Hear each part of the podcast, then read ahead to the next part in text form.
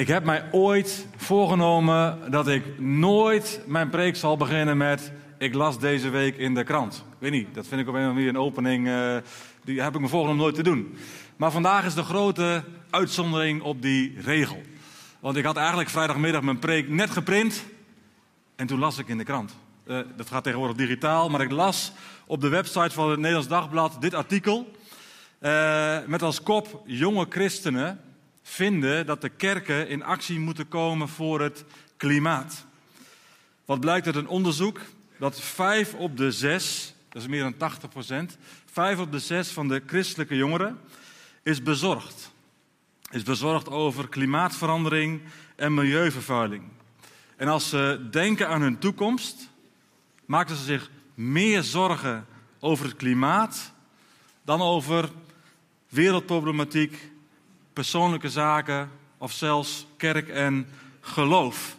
Dus de jongere generaties maken zich grote zorgen. En zij, maar eigenlijk kunnen we zeggen wij allemaal, ook alle andere generaties, hebben ook alle reden tot zorg. Want als we heel eerlijk zijn, kunnen we eigenlijk ook heel kort en krachtig zijn. Er is eigenlijk maar één echte conclusie mogelijk. Joh, we plegen als mensheid roofbouw. Als het gaat om Gods schepping. Ik kan wel even een reisje maken, maar denk alleen maar aan alle diersoorten die verdwijnen door, door ons toedoen. De regenwouden die in rap tempo worden weggevaagd. Mineralen en grondstoffen die kosten wat kosten uit de aarde ontrokken wordt, waarin de aarde wordt uitgeput. Uh, heel vaak ook voor jou en voor mijn spullen. De vervuilende industrie. Eh, de plastic soep in de oceanen die zoveel ook stuk maakt daarin. Eh, dat is geen fraai rijtje en dat rijtje is met groot gemak nog heel veel langer te maken. Zoals ze dat zo mooi zeggen dan, de ecologische voetafdruk van ons mensen is veel en veel te groot. De schepping kraakt in haar voegen. Of om het bijbelse te zeggen, de schepping zucht. En ik weet eigenlijk nog goed dat, dat vorig jaar na de eerste lockdown... we eigenlijk nog wel een beetje opgetogen, zou je kunnen zeggen... over het effect van de coronacrisis op de schepping er waren mooie zinnen als de vogels fluiten weer in Wuhan. En uh, het, het, water in Venetië was weer helder. En uh, man, je kon de, de, Mount Everest weer zien vanaf 200 kilometer afstand. Want de smog die er altijd maar was, die was weg. En ik ervoer hier ook in, in Nederland, van een eigen omgeving. Man, de lucht die lijkt wel blauwer dan ooit tevoren. Eigenlijk was het best mooi. Dat alles eens even helemaal stil kwam te liggen en, en de schepping zich een beetje kon herstellen. Want dat is eigenlijk wat er zagen gebeuren. Hey, de schepping die heeft even nu tijd en ruimte, doordat wij niet zoveel kunnen, om op adem te komen. Maar ja, maar ja, het is ook niet zoveel verder gekomen volgens mij dan een algemene en ook wel een tijdelijke reflectie. Want ja, na zo'n lockdown, wat doen we? Ja, we gaan toch ook heel gemakkelijk maar weer over tot de orde van de dag.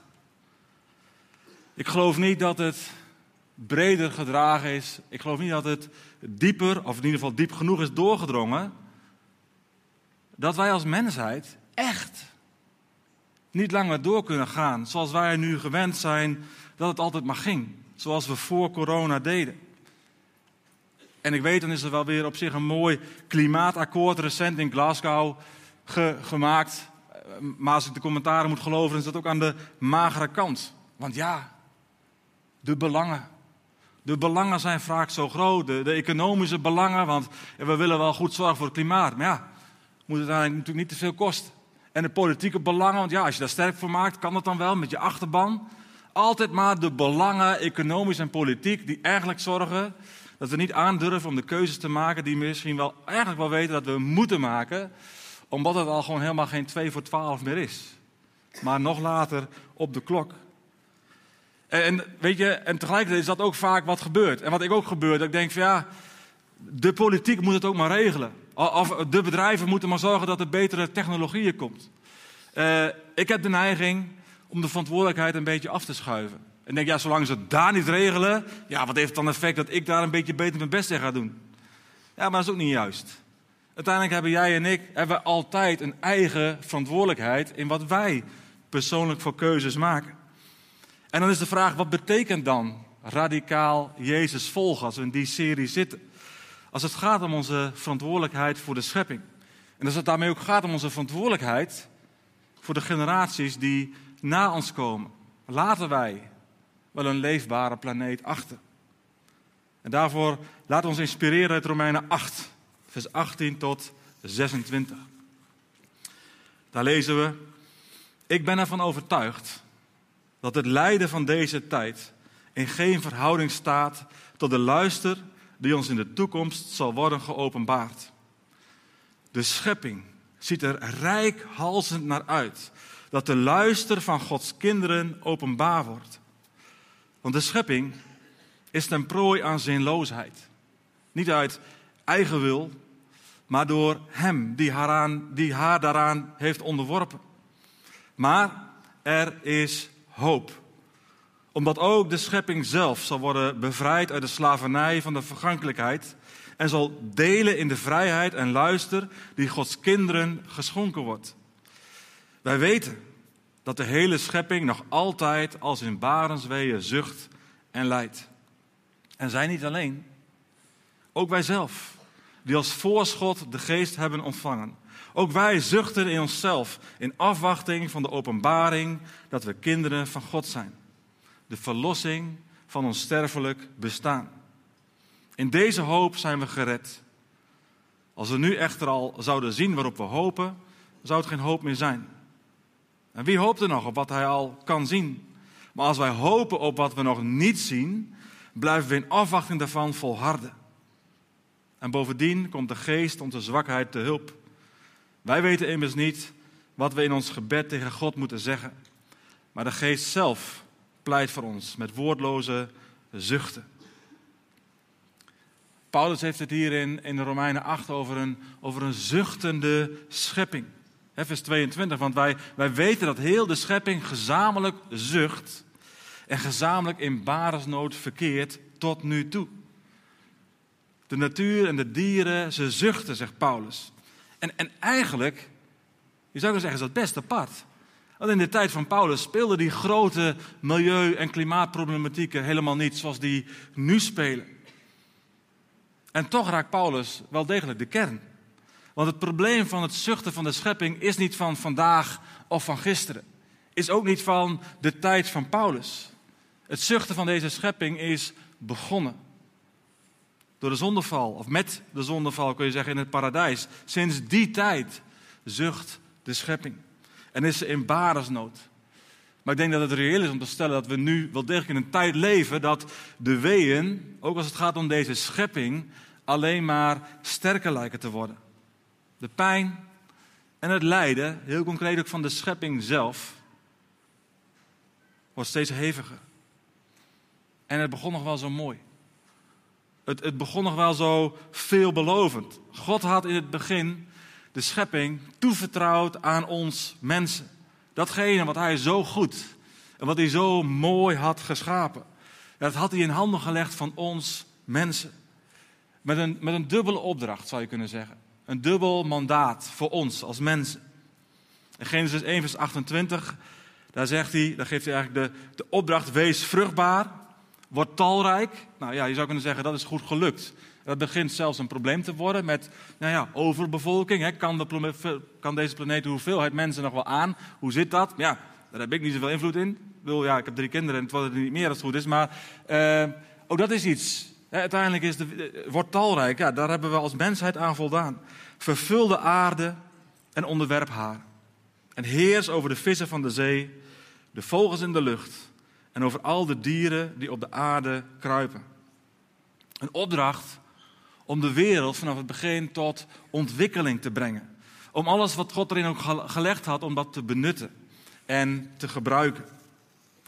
Maar hij had er nog een tweede opdracht aan toegevoegd. En die is minstens zo belangrijk. In het tweede scheppingsverslag zou je kunnen zeggen in Genesis 2, vers 15 daar. De Heer God nam de mens en hij zette hem in de hof van Eden om die te bewerken en te onderhouden. Te bewerken en te onderhouden. Ook dat is de opdracht die de mens heeft meegegeven vanaf het begin. En die laatste werkwoorden betekent in het Hebreeuws letterlijk om te dienen en te bewaken. Wij zijn bedoeld om te dienen en te bewaken. En daar zit iets in van zorg voor de schepping. Daar zit iets in van bescherming van de schepping. Het was Gods bedoeling dat die beide opdrachten, ja, wij mogen regeren over de aarde, maar we hebben tegelijkertijd ook die opdracht om te beschermen, om te bewaken. En de bedoeling dat elkaar dat in evenwicht hield. Aan de ene kant de wereld ontwikkelen, aan de andere kant de wereld ook bewaken en beschermen. Maar toen kwam de zondeval, de opstand tegen God. En in plaats van naar God te luisteren en eigenlijk ons alleen maar houden aan die dingen die Hij voor ons had en die Hij voor ons vroeg, ja, ging de mens zelf bepalen wat goed is en wat kwaad is. En in plaats van God te vereren, kwam de mens zelf in het middelpunt te staan. En het lijkt vanaf tot de dag van vandaag nog steeds ook, als het gaat om de schepping, ja, het draait eigenlijk alleen maar om ons. Op wat wij uit deze schepping kunnen halen als mensen. En van daaruit is de schepping eigenlijk tot een slaaf geworden, zou je kunnen zeggen. Een slaaf geworden voor ons als mensen. Met alle gevolgen van dien. En, en de Heer stelde nog sabbatsjaren in. De Heer stelde nog jubeljaren in. Je zou kunnen zeggen om de schade te beperken. Maar ten diepste was het kwaad al geschied. De schepping vanaf die tijd deelde niet langer in de, in de heerlijkheid die ze had in het begin. En ja, je kunt zeggen door de eeuwen en door de eeuwen en door de eeuwen heen zijn de gevolgen van die vloeken alleen maar duidelijker geworden. En wij zien nog meer dan Paulus dat de schepping zucht, dat de schepping kraakt, dat de schepping daadwerkelijk in, in baresnood is. En Paulus voegt nog wel iets essentieel toe aan het beeld van zuchten. Want het mooie is, de schepping is tegelijkertijd ook in verwachting. Dat heb je als je barensweeën hebt, als het goed is tenminste, dan ben je ook in verwachting. En hij zegt het zo in vers 19. Met, met rijkhalzend verlangen, dat is, echt, dat is echt intens verlangen, met rijkhalzend verlangen verwacht de schepping iets heel bijzonders. Het openbaar worden van de kinderen van God. Dat is een bijzondere gedachte. Zoals eigenlijk de vader ja, rijkhalsend stond te, te wachten en verlangen had naar het terugkomen van de verloren zoon. Zo staat eigenlijk heel de schepping, zo staan alle dieren en de natuur bij wijze van spreken op de uitkijk om te wachten dat het openbaar worden van de kinderen van God. Van de vernieuwde mens. Want wanneer de mens volledig hersteld is, zal ook de natuur zich gaan herstellen. En je zou kunnen zeggen, heel de theologie van Paulus wordt, wordt gevoed en gedragen door deze gedachte. Door deze in zonde gevallen wereld, die zal worden vernieuwd. Dat is het evangelie. God maakt alle dingen nieuw. God schrijft deze wereld niet af, maar God zal ook deze wereld, ook zijn schepping, vernieuwen. En dat zie je al ook door de Bijbel heen. We zien in het Oude Testament allerlei toespelingen. Profeet Jesaja, maar ook allerlei andere plekken. Herstel van harmonie in de schepping. De wolf en het lam die samen zullen leven. Eh, de steppen die weer zal bloeien als een roos. Roos? Ja, roos. De schepping smacht. De schepping smacht naar dat moment dat ze, dat ze niet langer uitgebuit zal worden. Maar dat ze eigenlijk tot volle bestemming zal komen zoals God haar oorspronkelijk heeft bedoeld. En dat kan. En dat zal gebeuren vanaf het moment dat Gods vernieuwde kinderen, en daar gaat het opeens ook al een beetje over ons, als die als goede en zorgzame rentmeesters voor haar gaan zorgen. Dat er omdat de mens steeds meer vernieuwd wordt naar het beeld van God, ja, er een einde komt aan uitbuiting.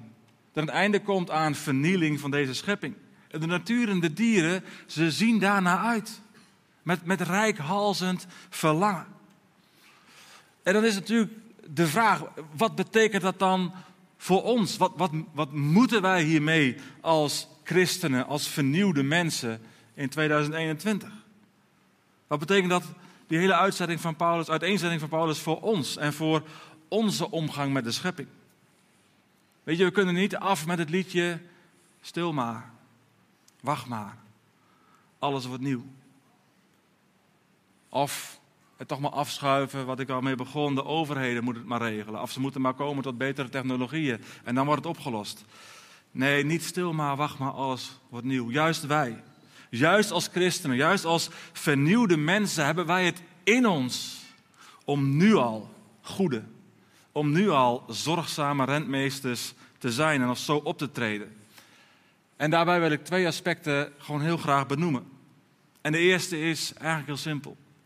Ik denk dat bijna voor ons allemaal geldt dat bekering op dit vlak echt wel nodig is. Wij, wij zijn zo opgevoed, gewoon in een hele manier van denken van consumentisme en van kapitalisme. En deels nog het geloven dat het om ons draait en om ons welzijn. Dat we ons daar echt van hebben te bekeren. Het zuchten van de schepping is het gevolg van ons handelen. En dat mag ons niet koud laten als christenen, juist als christenen.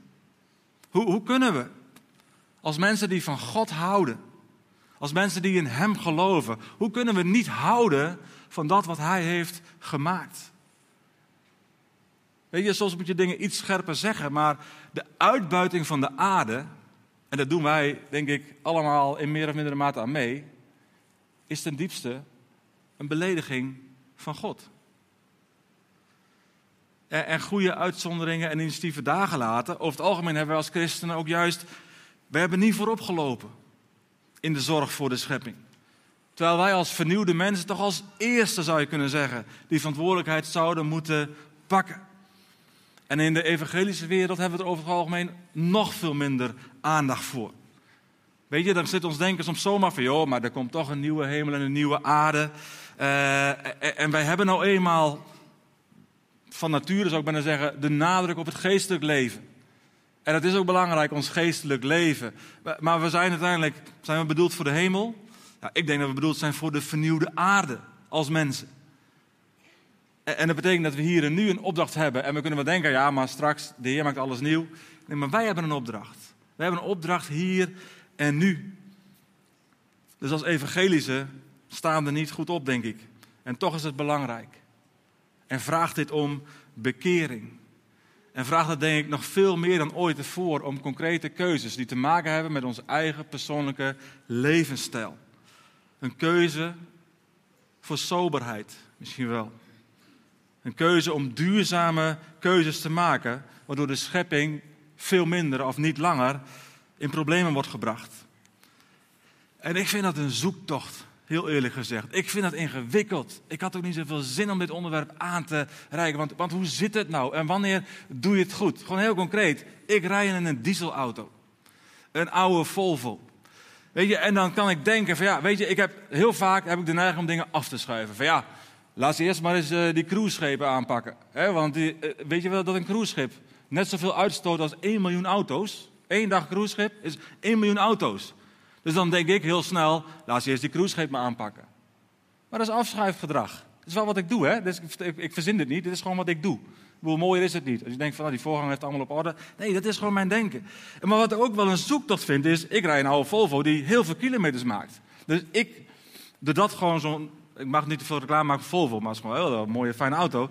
Maar uh, ik spaar gewoon één auto uit. Doordat ik er zoveel langer mee rij dan met een andere uh, auto, koop ik één auto minder, gewoon in mijn leven. Dus dat betekent wel één heel fabrikageproces minder. één keer minder al die materialen die ook nodig zijn voor een auto. Ja, wat is dan, wat is dan goed? De uitstoot is misschien minder goed, maar dat hele levensproces, hoe zit dat? Weet je wel, ik vind dat ook soms wel een zoektocht. En dat is, dat is het, soms ook wel een eerlijke zoektocht. En soms ook wel denk ik van ja, hoe, hoe eerlijk ben ik bereid om te kijken? Hoe eerlijk ben ik bereid om daarin keuzes te maken? En, en zo'n Black Friday, we worden gewoon ook gek gemaakt met z'n allen. Ik heb ook een Black Friday deal gedaan. Maar dat kan ik verantwoorden. Echt. Het was een verrekijker. En door die verrekijker, die ik vooral gebruik voor vogels, ga ik natuurlijk meer onder de schepping raken, onder de indruk raken van de schepping. En zal ik er nog zuiniger voor zorgen.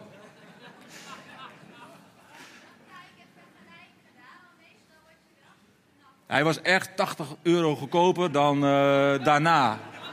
Ik heb, want ik check dat dus inderdaad. Ik heb gewoon na Black Friday gecheckt. Is hij nu echt wel weer de oude prijs? Ja, het was echt de oude prijs. Yes. Dus dat, is dat, dat vinden we ook lekker, hè? Gewoon korting.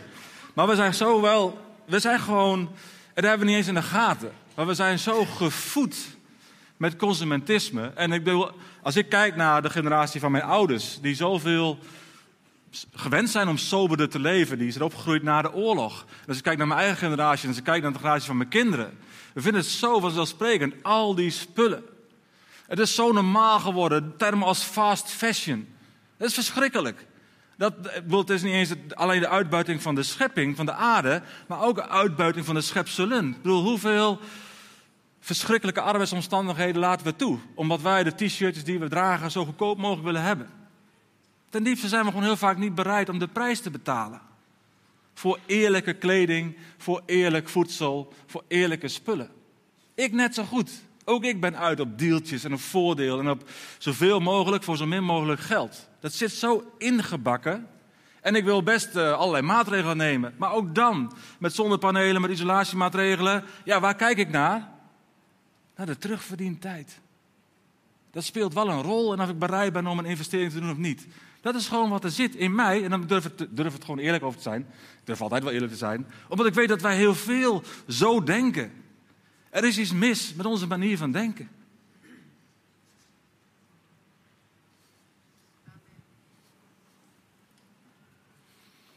En ik ben koning afvalscheiden bij ons in het gezin, begrijp me goed. Dus ik probeer het echt op allerlei kleine manieren. Ik, ik, echt, ik word pissig als ik een stukje plastic in het grijze afval zie. Want we hebben PMD, plastic, metaal en drinkpakafval. Dus het hele gezin die wordt erop aangesproken als er een stukje plastic op de verkeerde... Ik storm naar boven en ik zeg, nou ja, dat doe ik altijd heel liefdevol natuurlijk. Genade en waarheid.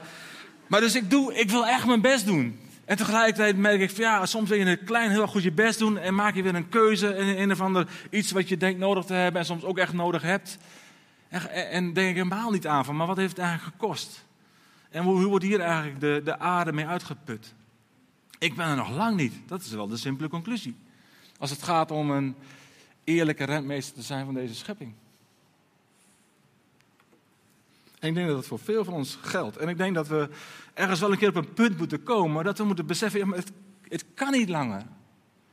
We moeten echt een vernieuwing van denken hebben in hoe wij leven en in wat wij allemaal denken nodig te hebben om maar gelukkig te worden op deze wereld. Ook met al die spullen, terwijl we al lang weten, die spullen maken me niet gelukkig. Wat ons gelukkig maakt is heel vaak onderlinge relaties. Nou, die kosten eigenlijk helemaal niet zoveel geld. Terwijl daar het diepste geluk in zit. Betekenisvolle onderlinge relaties. Ook samen, juist ook als gemeente. Man, dat zijn we soms ver afgedwaald van de oorsprong en van de bedoeling.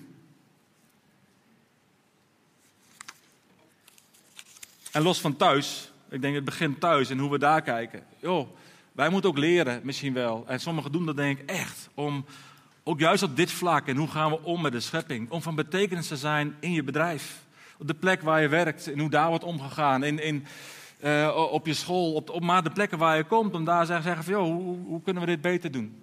Hoe kunnen we hierin groeien?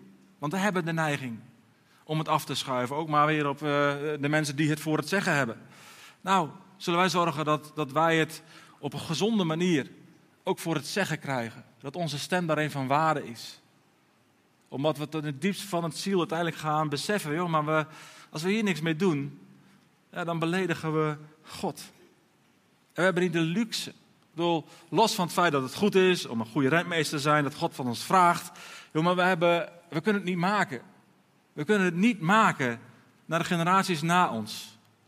Om de boel maar de boel te laten. En, en dus kunnen we niet zeggen van nou ja, we wachten nog wel even een jaartje en we kijken wel even hoe het na corona of het allemaal weer een beetje op gang komt of zo. Het begint hier en nu.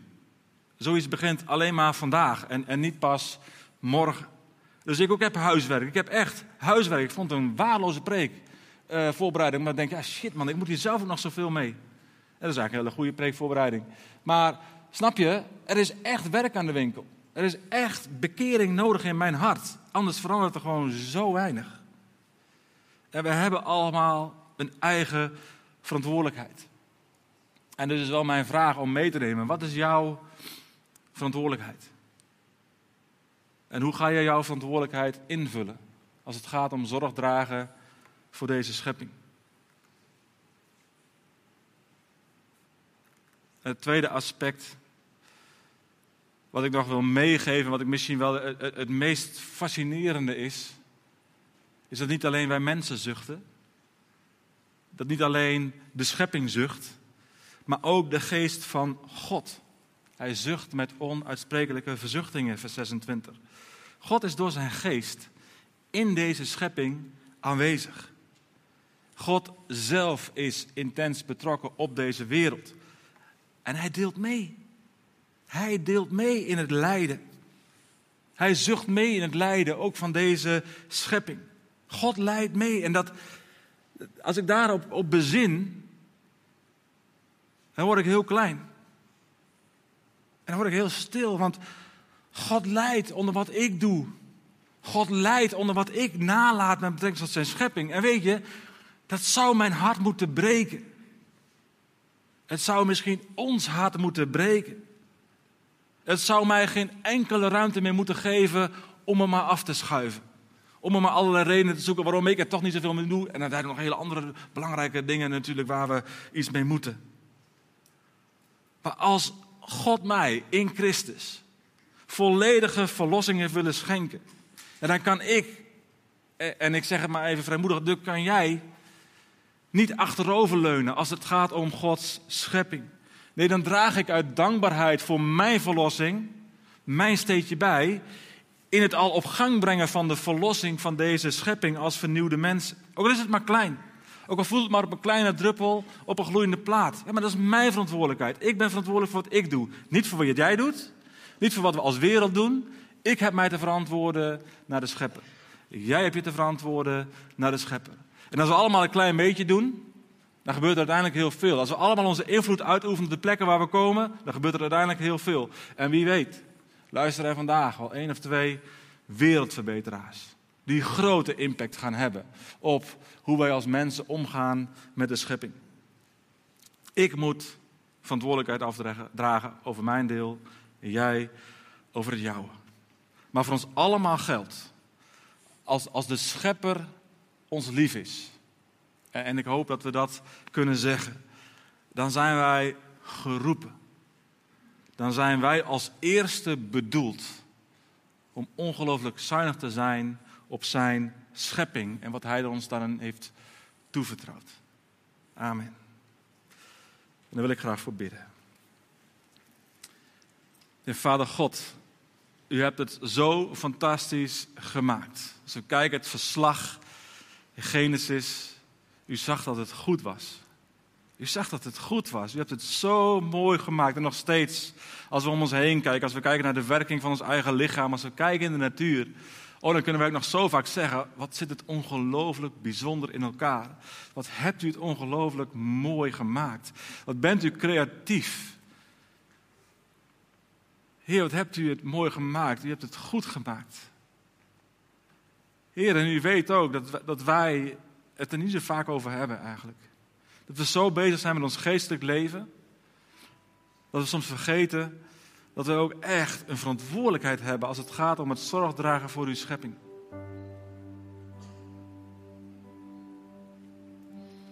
Heer, dan kunnen we op dit moment eigenlijk niet anders zeggen dan. Vergeef ons. Dat we daar zo weinig aandacht voor hebben. We al die andere dingen maar belangrijker vinden. Of dat we gewend zijn geraakt om het af te schuiven, om het maar niet te willen zien. En de impact van ons eigen handelen maar niet onder ogen te willen zien. Heer, vergeef ons. En ik bid, Heer, vanuit die vergeving, die er altijd is in uw Zoon Jezus, in zijn offer aan het kruis voor ons. Ik bid dat u echt naprediker bent in onze harten. Het totaal irrelevant of dit een uh, boeiende boodschap was of niet. Het gaat erom dat het iets uitwerkt in ons leven. Omdat u dat van ons vraagt. Omdat wij toch als eerste, als vernieuwde mensen, die verantwoordelijkheid mogen nemen om de schepping ook tot kleine stukjes verlossing te brengen. En Heer, dan bid ik, spreek in onze harten. Laat ons zien, Heer, waar we de bocht uit vliegen. Laten we zien, Heer, waar we zelf verantwoordelijkheid hebben te nemen. Gewoon heel klein in het huistuin- en keukengebruik. Heer, maar ook de grotere keuzes. Dat we daarin spreken door uw geest. In onze harten. wilt ons de moed geven, Heer, om te breken. Met ongezonde consumptiepatronen patronen die we gewoon hebben, ons hebben aangewend. Die ons worden aangereikt, ook vanuit de commercie. Hier wilt u ons zicht geven op het schadelijke effect van ons handelen. En de bereidheid om daar nieuwe keuzes in te maken. Opdat we u eren als schepper. Omdat we onze opdracht als rentmeesters veel serieuzer gaan nemen dan ooit tevoren. Hier daarin bid ik om uw genade, om uw inzicht en om uw kracht om het anders te gaan doen. In Jezus' naam. Amen.